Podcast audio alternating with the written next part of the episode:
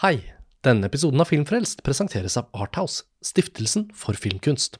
I 30 år har Arthouse reist rundt på filmfestivaler og håndplukket fantastiske filmer fra hele verden, som vi i etterkant får se på kino her hjemme i Norge. For eksempel Bong Yon-hos Parasitt, Celine Siammas Portrett av en kvinne i flammer og Michael Hanekes Amour. Og i fjor sikret Arthouse seg den franske filmen Natt i Paris på filmfestivalen i Venezia. Og denne filmen har norsk kinopremiere 3. juni.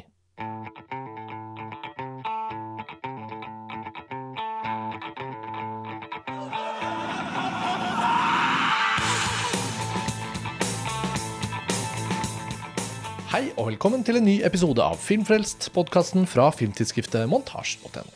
Mitt navn er Karsten Meinick, og vi er fortsatt på filmfestivalen i Cannes. Nå nærmer det seg riktignok slutten, men vi har flere filmer å snakke om, og i dag skal vi sette fokus på David Cronenbergs 'Crimes of the Future' og Claire Denise 'Stars at Noon'. Og Cronenberg-filmen vet vi jo at mange av dere lyttere har hatt som kanskje den filmen som skulle vises i Cannes. Dere har mest lyst til å høre oss snakke om, så da er det veldig bra at vi har eh, et uh, litt variert panel i forhold til hva vi syns om filmen. Uh, med meg ved bordet Lars Ole Kristiansen. Hei, Karsten. Hei, Lars Ole. Og Sveinung Våleggen. Hei, Sveinung. Hei. Du er nå nyansatt programsjef på Frogner kino, faktisk. Mm. Etter flere år i Tromsø som daglig leder ved Verdensteatret, så er du nå tilbake i hovedstaden og i Cannes. Mm.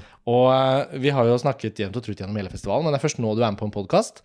Og etter Cronenberg-visningen så merket jeg at vi måtte jo diskutere Crimes of the Future sammen. Fordi jeg følte i hvert fall du og jeg hadde veldig forskjellige oppfatninger av filmen.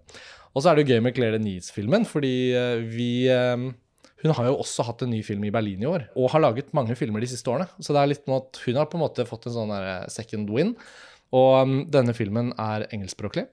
Så vi skal begynne med Cronenberg, men vi kommer jo da til Denis. Og mot slutten, Sveinung, så kanskje du også kan fortelle om noen andre filmer du har oppdaget underveis i festivalen. Lars Ole, David Cronenberg har jo vært voldsomt i fokus på montasje denne våren. Helt sagt. Ja, fordi vi har jo holdt på med dette Crash-prosjektet vårt. Yes. Og da, da vi gjennom pandemien liksom utsatte og ventet litt, holdt an litt med det Crash-prosjektet, så var det jo også ofte sånn at vi snakket om at det er så synd at Cronenberg virker nesten å ha sluttet å lage film. Mm. Det går helt tilbake til 2014 med 'Maps to the Stars'. Um, men uh, som en skjebnens ironi, en positiv en, så viser det seg at Cronenberg går da hen i 2021, sommeren 2021 og lager sin nye film. Og den ble premiereklar til Cannes-festivalen. Og vårt Crash-prosjekt ble utsatt helt til like før Kampfestivalen. Så nå var det veldig sånn Cronenberg-tid på montasje. Hvordan har du forberedt deg til um, at han har laget en ny film? Jeg har hatt uh, gleden av å se opp igjen mange Cronenberg-filmer. Det var nok i og for seg mest i forbindelse med Crash og en sånn uh, samtale vi hadde om dem på Vega Scene, som jeg ledet. Og jeg hadde egentlig mistet troa på at han kom til å lage noe mer. Så dette føles jo på alle måter som en bonus. Nå er han jo allerede i gang med enda en film, og visstnok enda et prosjekt eh, som i alle fall er under utvikling etter den neste. Så det ser ut til at det blir i alle fall to Cronenberg-filmer til. Og det gleder jeg meg over. Eh, selv om jeg har forståelse for at er delte meninger om dette varslede comebacket. Han er jo 79 nå, så kanskje han får sånne 80 år, sånn litt sånn Eastwood-style. At han går inn i en sånn produktiv fase på slutten. Sveinung, eh, hvis ikke jeg husker feil, så har jo også Cronenberg vært en filmskaper som for deg har vært både av betydning, men også kanskje føltes litt ujevn. Eh, at ikke det bare har vært høydepunkter underveis. Eh, så hva slags forventninger hadde du før du kom til Cannes? Det stemmer det at jeg har eh, litt blanda forhold til han. Eller det er iallfall ikke sånn at jeg syns alle filmene hans er like interessante. Litt sånn som Lars Ole kanskje syns mer enn deg, da? Ja, det tror jeg. så ja, nei, jeg, jeg hadde høye forventninger. Det hadde jeg. Fordi eh, det var noe med at det nå, ja, som nevnt, plutselig kommer Cronenberg med ny film. Og eh, det var noe med liksom premisset for filmen, alt som hørtes så veldig ut som den type Cronenberg som jeg kan like veldig godt. Som handler om litt elementer av body horror, selvfølgelig, men også liksom denne her uh, ja, uh, blandingen av menneske, maskin, filosofering rundt det. spennende å se hva han finner på rundt det i 2022. Så eh, ja, forventningene var nokså høye, faktisk, før visningen. Det lille som var kjent om denne filmen før vi så den nå, det var jo at han har tatt tittelen fra sin egen studentfilm tidlig på 70-tallet, men den, de har ellers ikke til noe til felles.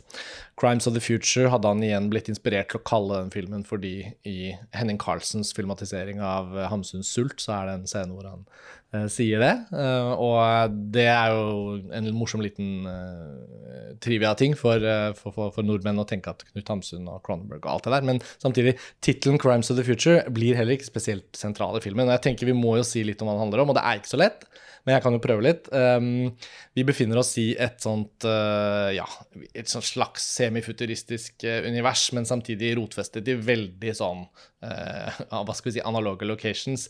det er ikke en film med påkostede backdrops og, og et slags sånn sci-fi-landskap og sånn. Tvert imot så er det litt sånn bakgater og, og, kontorer, og noen litt sånne større rom, kanskje sånn, si konsertlokaler eller forsamlingssteder og sånn, som er blitt brukt. og Nesten hele filmen utspiller seg om natten. Og det har også blitt fortalt da at Cronenberg fikk finansiering gjennom bl.a. å ta, dra nytte av et sånn uh, skatterabatt i Hellas, hvis du drar og filmer der. Så hele filmen er da tatt opp i Aten. Med det sagt så er det likevel noe med at det er kroppene og ansiktene og de små scenene som egentlig selvfølgelig også da blir filmens hovedfokus. Hovedrollene kan vi si, er jo Lea Seydoux og Viggo Mortensen, som spiller et par som driver med performancekunst. Og i dette universet, i denne virkeligheten som filmen har tegnet opp, så er kroppene våre blitt også scener for en slags sånn indre forskning. Man håper og drømmer om at man skal klare å gro frem nye organer. Og klarer man det, så skal man også være i opplevelsen av hva et nytt organ er. Er det brukelig, er det ikke brukelig, kan det opereres inn og ut, osv. Og, så og slik spinner filmen mange forskjellige sånne scenarioer. Det dukker opp et sånt alternativt undergrunnsunivers hvor det fins noen mennesker som da ikke bare har gjort disse endringene i sine egne kropper, men klart genetisk da overfører det til barn, som da organisk fødes med en sånn ny evolusjonær eh, bit av kroppen. Hvorpå man kan snakke om en sånn post-human eh, tilværelse. Og filmen har utrolig mange store tanker om en slags sånn fremtidsvisjon som artikuleres av rollefigurene. Og manuset Lars Ole og jeg, det var jo noe av det første vi to snakket om da vi kom ut av salen, hvor, hvor, mye tekst i replikkene som føltes juicy, og som var gøy å tenke på. Veldig sånn siterbar film. Altså et vanvittig liksom oppfinnsomt skrevet lekent manus. Mange nyord mm. som Cronberg har kost seg med. Så blir plottet kanskje litt sånn, det skal vi snakke litt mer om, men det blir litt tåkete når det er ulike arkivetater som driver med ditt og datt, og det er ulike um, myndighetsorganisasjoner som etterforsker, og det er noen som er, er, agenter og dobbeltagenter, og det er noen som skal ta en slags hevn, og noen som skal se mot fremtiden, noen som skal kontrollere teknologien. Det er litt sausete, og det er vanskelig å gjenfortelle. Sånn, men det er utgangspunktet. Ja. Uh, vi kan jo starte der. Uh, Lars Ole, ja, hvis du vil ta ordet først. Ja, altså I forkant uh, så har jeg da vært litt bekymret for at dette kom til å bli en veldig liksom, påtakelig underbudsjettert film. Og Cronenberg har jo slitt med budsjetter egentlig gjennom nesten hele karrieren sin. Men det kan jo også ofte være en kime til kreativitet, da. Men når han er litt oppi årene, sånn som nå, så kan det jo også faktisk være en, en reell begrensning. Og eh, den, den, bærer preg av en del kompromisser, egentlig. Eh, man kan drømme om hvordan denne filmen kunne vært hvis den, hvis den kostet veldig mye mer. Eh, man kunne også kanskje forestilt seg at man kunne budsjettert litt annerledes. F.eks. ikke brukt så mye penger på og, og Kristin Stewart, f.eks., som tross alt ikke har så veldig mye å gjøre i, i, rollen sin. Men når det er sagt, så liker jeg veldig godt med Cronenberg at filmene hans alltid virker vel planlagt ned til liksom hver minste detalj. At alt på en eller annen måte blir, virker intensjonelt. Uh, og i sum så sitter jeg med følelsen at filmen mer eller mindre likevel er akkurat sånn som han selv ønsker at den skal være. Og det er en ugjestmild film, for å si det forsiktig. Det er egentlig det å lytte til dialogen er en veldig viktig del av opplevelsen. Den er visuelt veldig sparsommelig, tilnærmet liksom asketisk. Og Cronenberg sitt filmspråk er kirurgisk og egentlig veldig klassisk. Det er alltid, mange, altså alltid mye shot reverse shots og sånn i en Cronenberg-film. Uh, han eksperimenterer sjelden med filmspråket. Men uh, det er snarere liksom i mise en scène at de liksom grenseoverskridende tingene foregår. Men her er jo da også mise en scène så mørklagt og så uh, ja, sparsommelig utformet at uh, han balanserer på en knivsegg her, men filmen hadde noen sånn understrømmer og et tankegods som gjorde at jeg satt veldig fengslet hele veien og følte sterkt på at den egentlig da en, blir en del av en trilogi bestående av Crash og Existence, eh, og da Crimes of the Future. Eh, for de tre filmene har veldig mye til felles. Og i forkant av Cannes-festivalen så har Cronenberg også uttrykt en ganske sånn selvtillit til prosjektet, og vært veldig fornøyd og gått inn i festivalen med en følelse av å på mange måter gjøre et comeback, og har vært profilert i ulike medier, og det har liksom vært mye buzz og sånt rundt det. Men virkeligheten fra filmen var jo også, som du sier, at man får en følelse av at ok, det er såpass liksom ikke kommersielt, og det er såpass hardcore tekst avhengig, kan man si. At liksom, hvis ikke man er i stand til å få med seg det som blir sagt, så er det jo veldig eh, lite av bildene som alene kan drive opplevelsen. Da. Med det så må jeg innrømme at det var nok for meg. Um, men ja, uh, får gi ordet til Sveinung, ettersom jeg vet at ikke han følte det samme. Ja, fordi straks visningen var slutt, så ringte telefonen min. Nå bygger vi opp den cliffhangeren. ja. Og det var Sveinung som sa Å, herregud! Uh, fy faen, så ræva! Ja, jeg syns virkelig det var ordentlig dårlig. Uh, det var som å se en Netflix-pilotepisode. og på en måte være til stede i et rollespill som noen andre Eh, spiller, uten at man selv får være med. Eh, komplett da med litt sånn billige kostymer, og Viggo Mortensen går rundt med en slags sånn Aragorn Light-kappe, som fikk eh, assosiasjonene mine til å gå til Phantom Menace, så ja, jeg syns bare ikke Darth Maul? ja. Så, men, men, som jeg sa innledningsvis, eh, at jeg hadde forventninger til filmen, det, det handla ut fra det lille jeg visste om plottet, så handla det om at det er jo nesten alltid interessant med en ny Cronenberg-film. Eh, det er noen interessante ideer, eh, det er eh, et eller annet å, å, tenke på og gripe fatt i. Så jeg skjønner veldig godt det at for deres del så var det nok med, med de ideene han har i filmen sin, teksten. Uh, og for meg så var det ikke det. Jeg, jeg kom aldri inn i filmen. Jeg syntes ikke det var noe interessant. Jeg, jeg syns i hvert fall ikke det var underholdende. Og jeg sliter veldig med å se også hvordan denne filmen kan bli et slags referansepunkt framover, på lik linje med f.eks. Crash eller Existence, eller ikke at Existence kanskje er det beste eksempelet uansett på det, men la oss si Videodrome, da, eller ikke sant. Så jeg syns det, det var en utrolig skuffelse, rett og slett. Ja, jeg må jo respektere og skjønne jo det, men samtidig så jeg bare måtte le litt da den reaksjonen kom fra deg, fordi jeg følte helt genuin, eh, om ikke underholdning, så følte jeg meg helt sånn inne i filmen, og veldig inne i tankene som ble utvekslet i den dialogen. Og nå har vi allerede nevnt det, men det må liksom trekkes fram at det syns jeg fungerer egentlig ganske godt og symbiotisk med det vi får da visuelt eh, Ja, det er liksom veldig mørkt, og det er veldig dunkelt, og det er ganske sånn sort-brunt hele veien gjennom. Og effektene er eh, De ligner jo veldig på eksistens. Ja, ja. Um, det har ikke skjedd noe på effektfronten. Det likte jeg, da. Altså, at det var litt sånn anakronistisk, eh, nærmest. Ja, for én ting er jo selve operasjonene og sånn i, i, kropp, og det tenker jeg at det er jo effekter som ikke trenger eh, større budsjetter, for det er jo ikke CGI på den måten.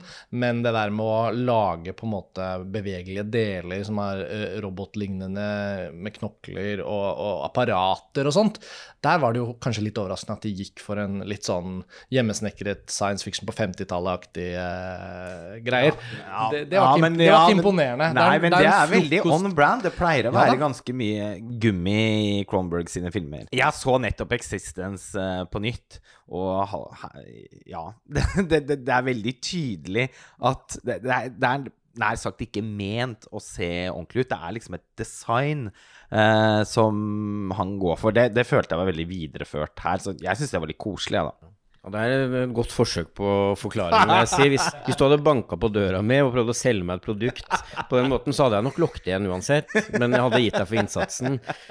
For jeg syns Altså, dette med det kirurgiske i Cronenbergs filmer, ja, det, det, kan være det. Men det kan også være veldig sanselig, syns jeg. Og veldig, og veldig, at det virkelig fører på det ja, taktile, ja, ja. kroppslige.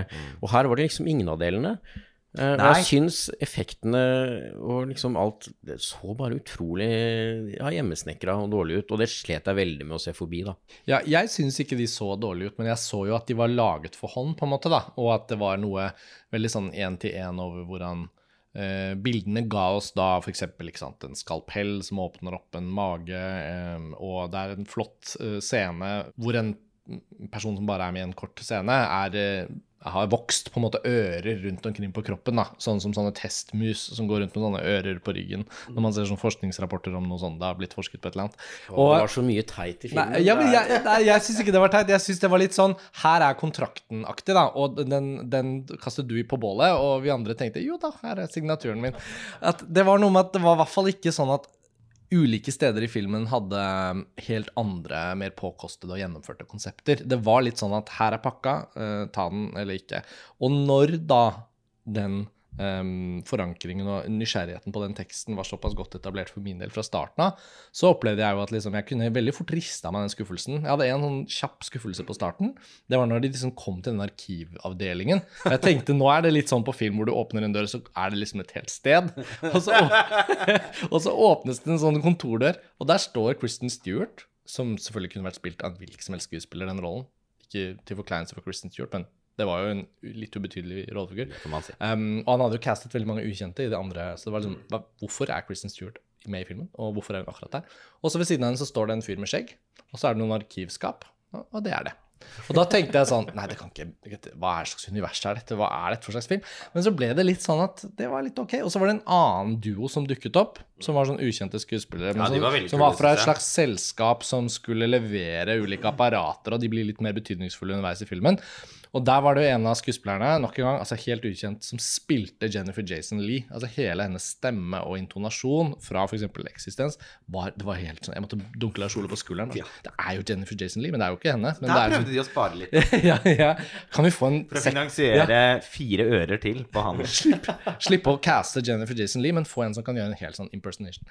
Ja, men altså Det var, det var med en smil i munnen. Og jeg syns jo egentlig filmen grenser litt mot å være en komedie også. Altså at den har noe litt sånn ganske mye morsomt. Ja, jeg syns faktisk det. Og Ikke minst det at de er performanceartister. Han setter litt Ja, løsnese det syns- på det. Den illusjonskraften som de forsøker å bygge opp, som de, som de ikke alltid lykkes med Ja, underveis i og filmen. det, og, og det introduseres også en skjønnhetskonkurranse underveis, som jeg tenker i hvert fall er humoristisk ment, eh, hvor det er inner beauty Ja, som skal kåres, altså bokstavelig talt indre skjønnhet. Da. Og, og det syns jeg, og særlig når man parer det med det Humanis Corporis Fabrica, som jeg vet du også har sett, Sveinung, som vi snakket om i forrige episode, hvor da Casting Taylor og Paravel eh, i denne eksperimentelle dokumentaren har tatt oss med på innsiden eh, av kropper og inn i operasjoner og, og sånt, så må jeg jo si at kroppen som en arena for filmisk studie og filosofering eh, rett og slett er et lite motiv da, på Cannes-festivalen i år. Og det inkluderer jo faktisk også Syk pike av Kristoffer Borgli, som ble vist i en 70 regard, som er den eneste helnorske filmen eh, på årets Cannes-festival, hvor hovedpersonen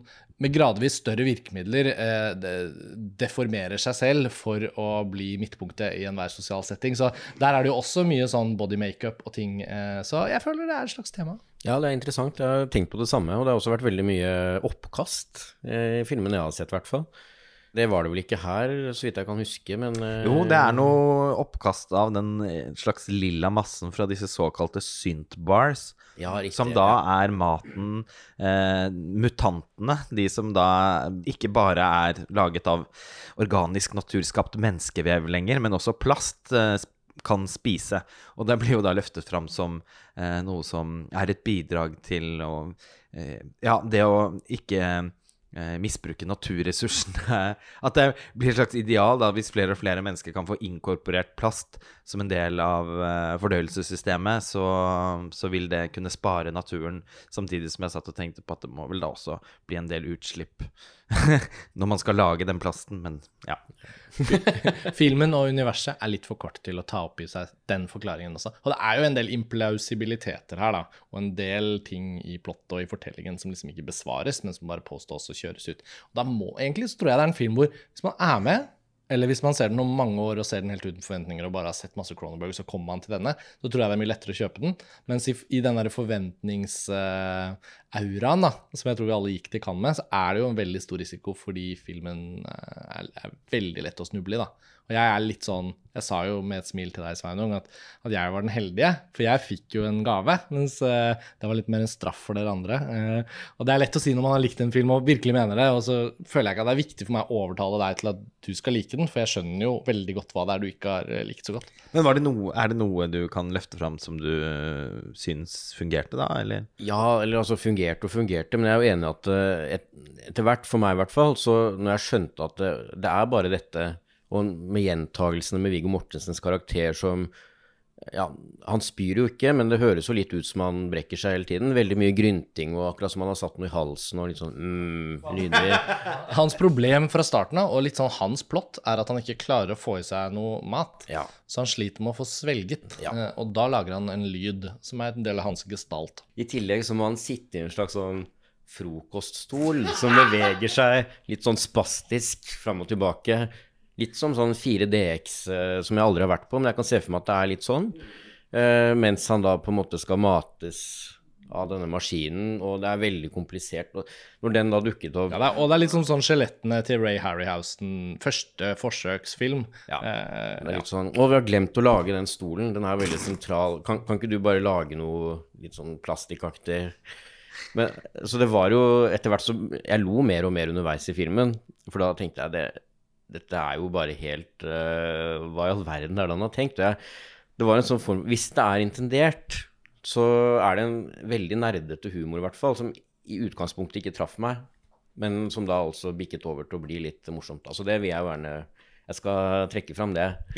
ja, altså at filmen har en slags underholdningsverdi, på tross av at den også i sitt vesen eh, er så langsom og uh, krever så mye av publikum. Da den, den, er ikke, den er ikke sjenerøs. Den gir ikke ved dørene på noen som helst uh, måte. Så jeg, jeg er egentlig overrasket over at mottagelsen har vært såpass god. Som hardcore Cronenberg-fan så vil jo jeg uh, hente alt jeg kan ut av den filmen uansett, og gå i forsvar. Så jeg liker den kjempegodt, jeg. Og jeg tror at den kommer til å tåle gjensyn, ikke minst. Jeg tror aldri den kommer til å bli så dårlig mottatt som den har blitt av enkelte her, fra nå og i resten av sin levetid. Fordi det er ingen andre som kommer til å møte den med den type forventninger som skjedde akkurat denne uken i Cannes. Håp om et storstilt comeback fra blodprinsen av body horror, for, for det er det jo ikke. bare så Det er sagt. Det er en av de svakere Cronenberg-filmene. Og den, den minner Nå har jeg jo sagt at den kan på en måte utgjøre en slags trilogi sammen med Crash og Existence. Og den ble skrevet den gangen. Altså Den er jo et 20 år gammelt manus, Yes. så det, det er noe med det òg. Så det maker også sense. Men den ligner jo som liksom, Filmopplevelsen minner mer om Naked Lunch og eh, Cosmopolis, egentlig. Og det er filmer som jeg har egentlig brukt ganske lang tid på å eh, bli ordentlig fascinert av. Men det har skjedd. og eh, det er Cronenberg-filmer der eh, man også har liksom Der han åpenbart har måttet eh, gjøre noen grep for å eh, situere fortellingen i, på veldig små steder. Eh, men så kunne man jo forestilt seg hvordan det var mulig å liksom åpne opp nye dører i fortellingen, men så har man ikke sannsynligvis da hatt muligheten til det eh, pga. budsjett. Og så kan man jo si at eh, i Naked Lunch så resulterer jo det i en, en kreativitet og et litt sånn lekent overskudd eh, som er mer synlig for publikum.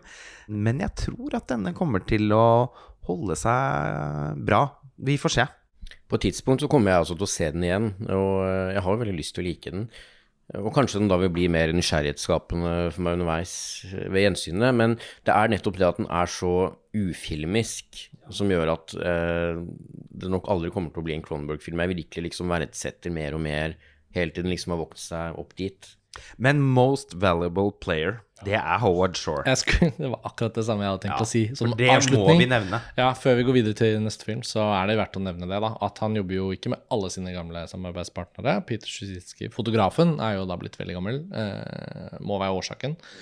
Men Howard Shore er jo her. Og han gjør seg eh, gjeldende helt fra starten av. Og det er ganske mye musikk i filmen. Mye musikk i filmen. Og, og en annen ting å si før vi går videre, er jo også at Crimes of the Future uh, har umiddelbart kinopremiere i Frankrike, og den har kinopremiere i USA om en uke. Så i de to store landene, eh, som da selvfølgelig også er liksom de to store landene i Cannes, tross alt, amerikansk film og fransk film, Um, så får jo filmen premiere på halen og bølgen av, av Cannes-lanseringen. Men i Norge f.eks. så er altså ikke denne filmen kjøpt inn for kinodistribusjon. Og vi har nevnt og hørt med flere distributører her nede, og de har i stor De har i all hovedsak gått i halvsirkler rundt. Og det er jo altså fordi at når man har sett filmen, så ser man jo at det er en vanskelig eh, kommersiell ligning å få til å gå opp. Og kanskje glir denne filmen mer over faktisk i sånn spesialvisningslandskapet, da. Jeg vet det, ikke, det tenker jeg faktisk. Men Frogner kino, for eksempel, Sveinung, det er lett å se for seg at man kan lage noen visninger. det var ikke den en film du likte så godt, da, men man kunne, man kunne se for seg at dette kanskje er en film som egner seg best for et knippe visninger som er eh, konstruert for å, å, å lage en god ramme for filmen, for alle som er opptatt av Cronenberg. Uavhengig av det jeg syns om den filmen her, så er det jo klart at det norske kinopublikummet må få se den nye Cronenberg-filmen. Den må jo bli vist på et eller annet vis uansett. Om det er eh, kinodistribusjon eller ja, spesialvisninger, festivaler, hva som helst. Det må jo Det er klart at den må vises. Så Sveinung er ikke den nye Ingeborg Moreus Hansen. Nei, det er godt å vite. Såpass skjønner Denne filmen skal ikke vises på Frogner. Jeg blir ikke sjokkert av denne filmen, det kan jeg si. Det var mer eh, søvndyssende. Det er jo også litt rart at David Cronberg selv har bidratt til å piske opp stemningen rundt at dette er en sjokkfilm, og at uh, folk kommer til å forlate salen etter de første fem minuttene, og at de siste 20 vil være en skikkelig tough sit for alle som ikke har så sterk mage. Det er bare tøys.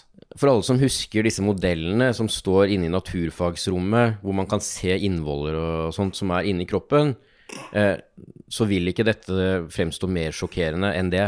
Nei, du er inne på noe der. Og du var også inne på noe når du brukte ordet søvndyssende, for det er jo en veldig bra bro til den neste filmen vår, som vi skal snakke om. Claire Denise, uh, 'Stars at Noon'. En film som ble vist i hovedkonkurransen, den også, og som er en adaptasjon av en roman satt til 1980-tallet og revolusjonen i Nicaragua. Men Claire Denis har valgt å eh, filmatisere den fortellingen i vår tid. Eh, og det er jo en av tingene jeg tenker det er gøy å snakke om rundt denne filmen. Noe annet er at filmen har Margaret Qualley i hovedrollen, eh, side om side med Joe Alwyn. Han er et litt sånn ubeskrevet blad for meg, men Margaret Qualley er jo da for mange en stigende stjerne. En ung skuespiller som har vært å se i veldig mange bra roller de siste par årene, ikke minst i Once Upon a Time in Hollywood. Og eh, dette var også en film som hadde da sin gallapremiere sent på kvelden. Men den ble også vist etter gallapremieren på Baz Lermans Elvis. Og da vi skulle inn på denne visningen, så skjønte vi jo at dette blir forsinket. For her skal det jubles og hoies, og det skal tas ekstra bilder på veien ut på den røde løperen. Som regel tas bildene på vei inn på den røde løperen, men på Elvis så var det også bilder på vei ut. Så filmen startet ikke før litt over elleve.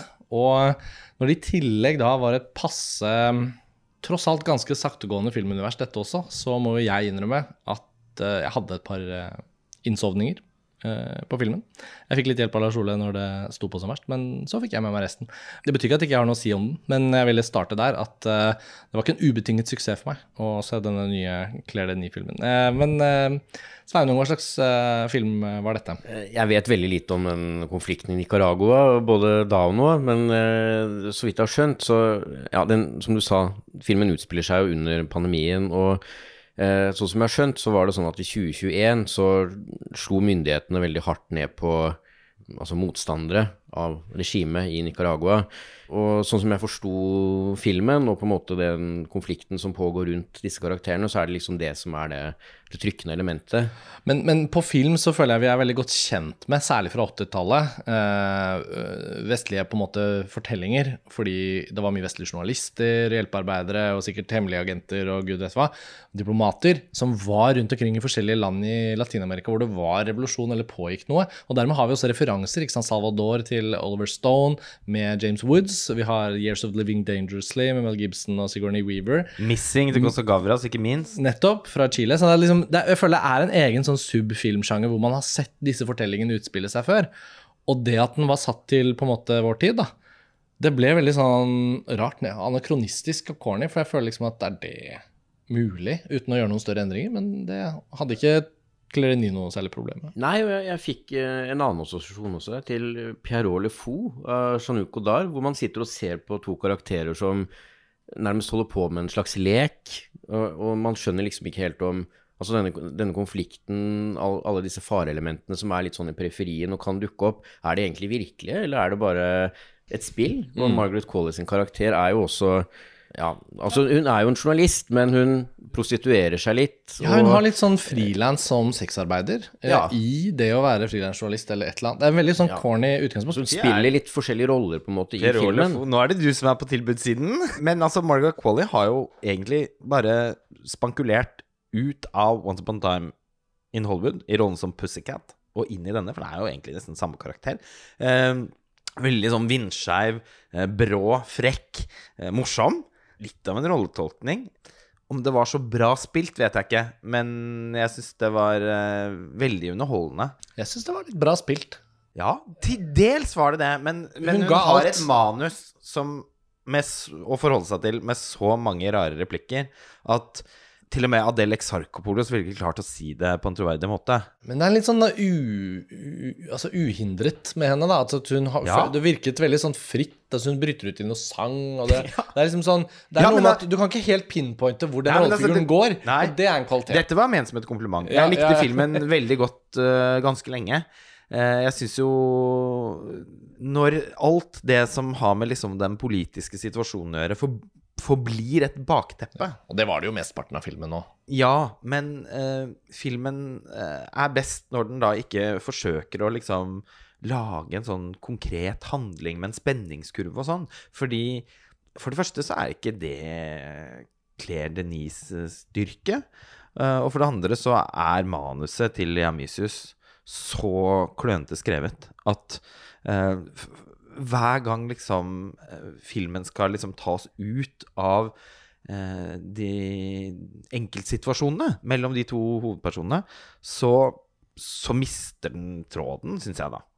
Ja, det er virkelig som å Altså, man kan virkelig bare høre at det er noen franskmenn som har prøvd å skrive engelsk. Det kan man høre. Eh, men det ga også filmen en litt sånn egen tone.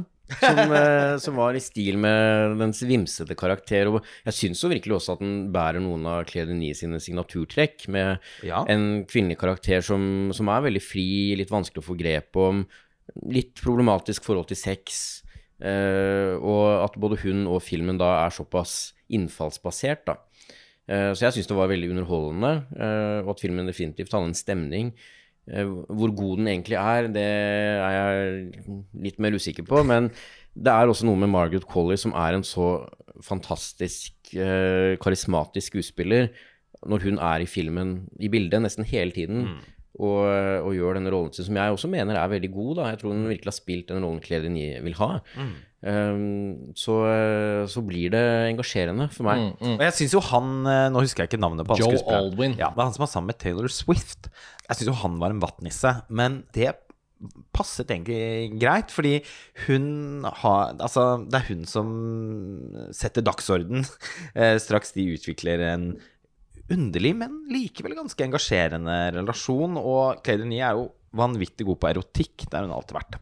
Og når filmen tilbringer tid med dem eh, på hotellrommet, eh, svette, nakne i sengen, det regner utenfor, luftfuktigheten virker helt sånn svimlende høy, så, så er Claire Denis i ja, et landskap som hun trives veldig godt i. Og eh, jeg satt lenge og tenkte at dette her er liksom kanskje egentlig det mest eh, interessante hun har gjort siden White Material. Men den andre halvdelen av filmen må jeg si at jeg syns blir altfor kjedelig, da. Når de forlater hotellrommet Hver gang de forlater hotellrommet, så føler jeg at filmen eh, mis, altså, ikke er tilstrekkelig atmosfærisk, og jeg sliter med å forstå hva som egentlig foregår. Skal det være en narrativ film? Skal det være en elliptisk poetisk film? Ok, i så fall så er den jo f.eks. ikke bra nok fotografert. Den er jo skutt av Erik Gautier, som er en legende. Det var jo noe av det svakeste jeg har sett han har gjort. Det er jo innmari trist at Claire Denis har gått fra å skyte på analog eh, film til å bruke digital video, og det kler ikke denne filmen i hvert fall. Likevel så satt jeg og tenkte at når hun først gjør det, og Erik Gautier da han er jo så kompetent da uansett at han, han klarer å få til noen greier. Og det minnet meg til dels litt om Michael Manns eh, filmer, faktisk. Og den japanske filmskaperen Naomi Kawase, som jo er en veldig sånn audiovisuelt orientert filmskaper, men som alltid skyter digitalt. Og har en estetikk som ikke appellerer særlig til meg personlig, men som jeg likevel blir fascinert av, fordi jeg føler at hun holder på med noe. Det er en slags utforskning der. Og det, og det kjente jeg på underveis i The Stars at Noon nå, da. Vet ikke hva du tenkte om det, Svein? Nei, jeg er veldig enig i det meste av, det du sier. Og det er, ganske, det er flere konkrete ting som kunne vært gjort.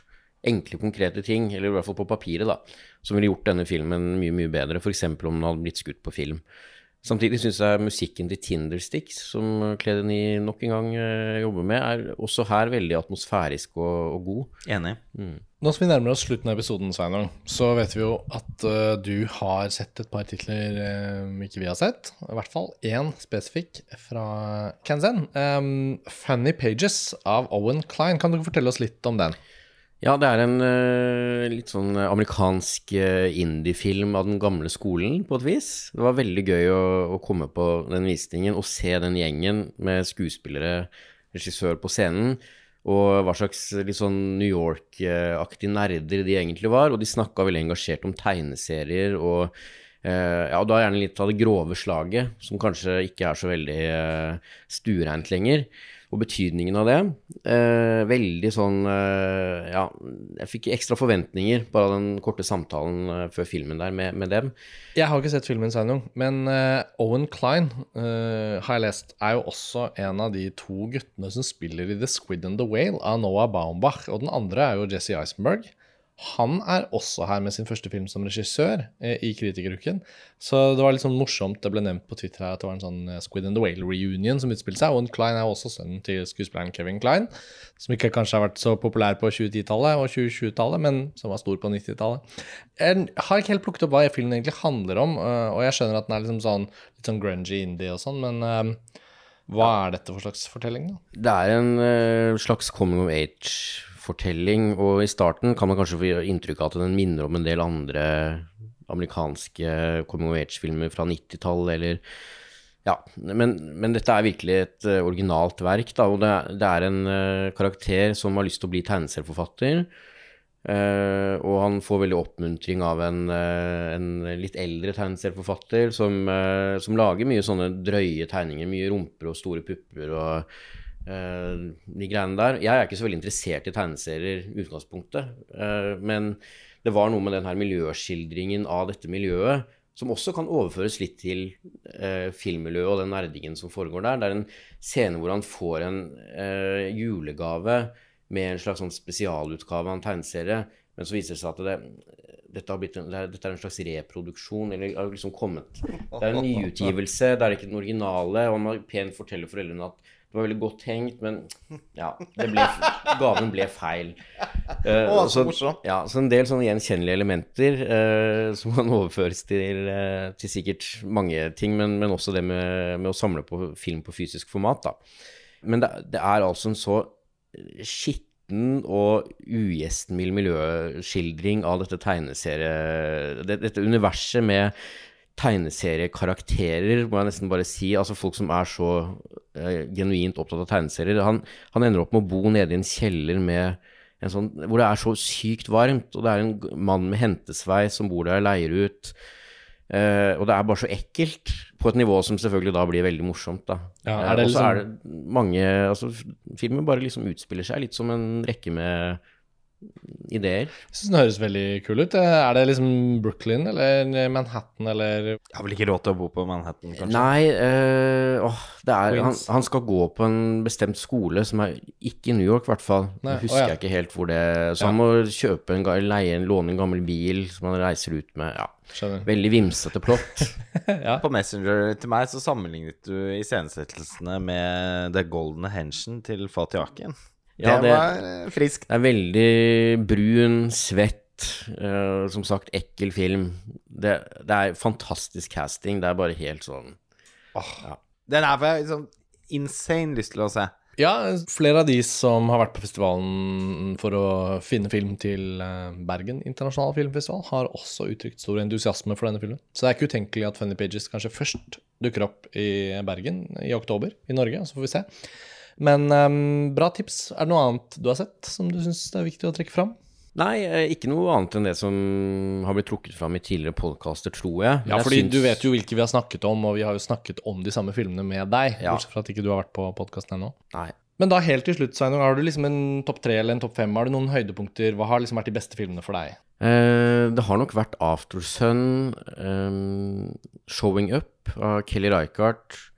Generelt flere filmer regissert av kvinnelige filmskapere, ser jeg når jeg ser på min uh, toppliste, som Ja, ja, ja. eh, ikke er helt ferdig, men nå som festivalen nærmer seg slutten, så begynner man jo å se konturene. Det har definitivt vært et mønster. Og mange korregisserte filmer også. Eight Mountains er også regissert av både en mann og en kvinne. Altså De Humani Corporis Fabrica. Også, så ja, det er noen gode motiver på gang, også det i forhold til uh, hvordan denne festivalen trakterer det med kjønnsbalanse, da. For det har jo ikke alltid vært så vellykket. Nei, og som vanlig har jo da eh, festivalen mottatt ganske mye kritikk for at eh, det er veldig få kvinnelige filmskapere i hovedkonkurransen.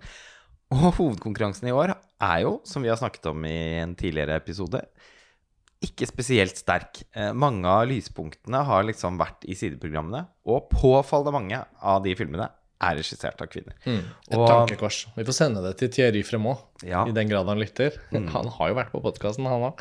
Um, ok, vi skal fortsette å se litt film før det hele er over. Lars Ole, Sveinung, takk for denne gang. Vi høres igjen om ikke så altfor lenge. Ha det bra. Ha det bra. Ha det.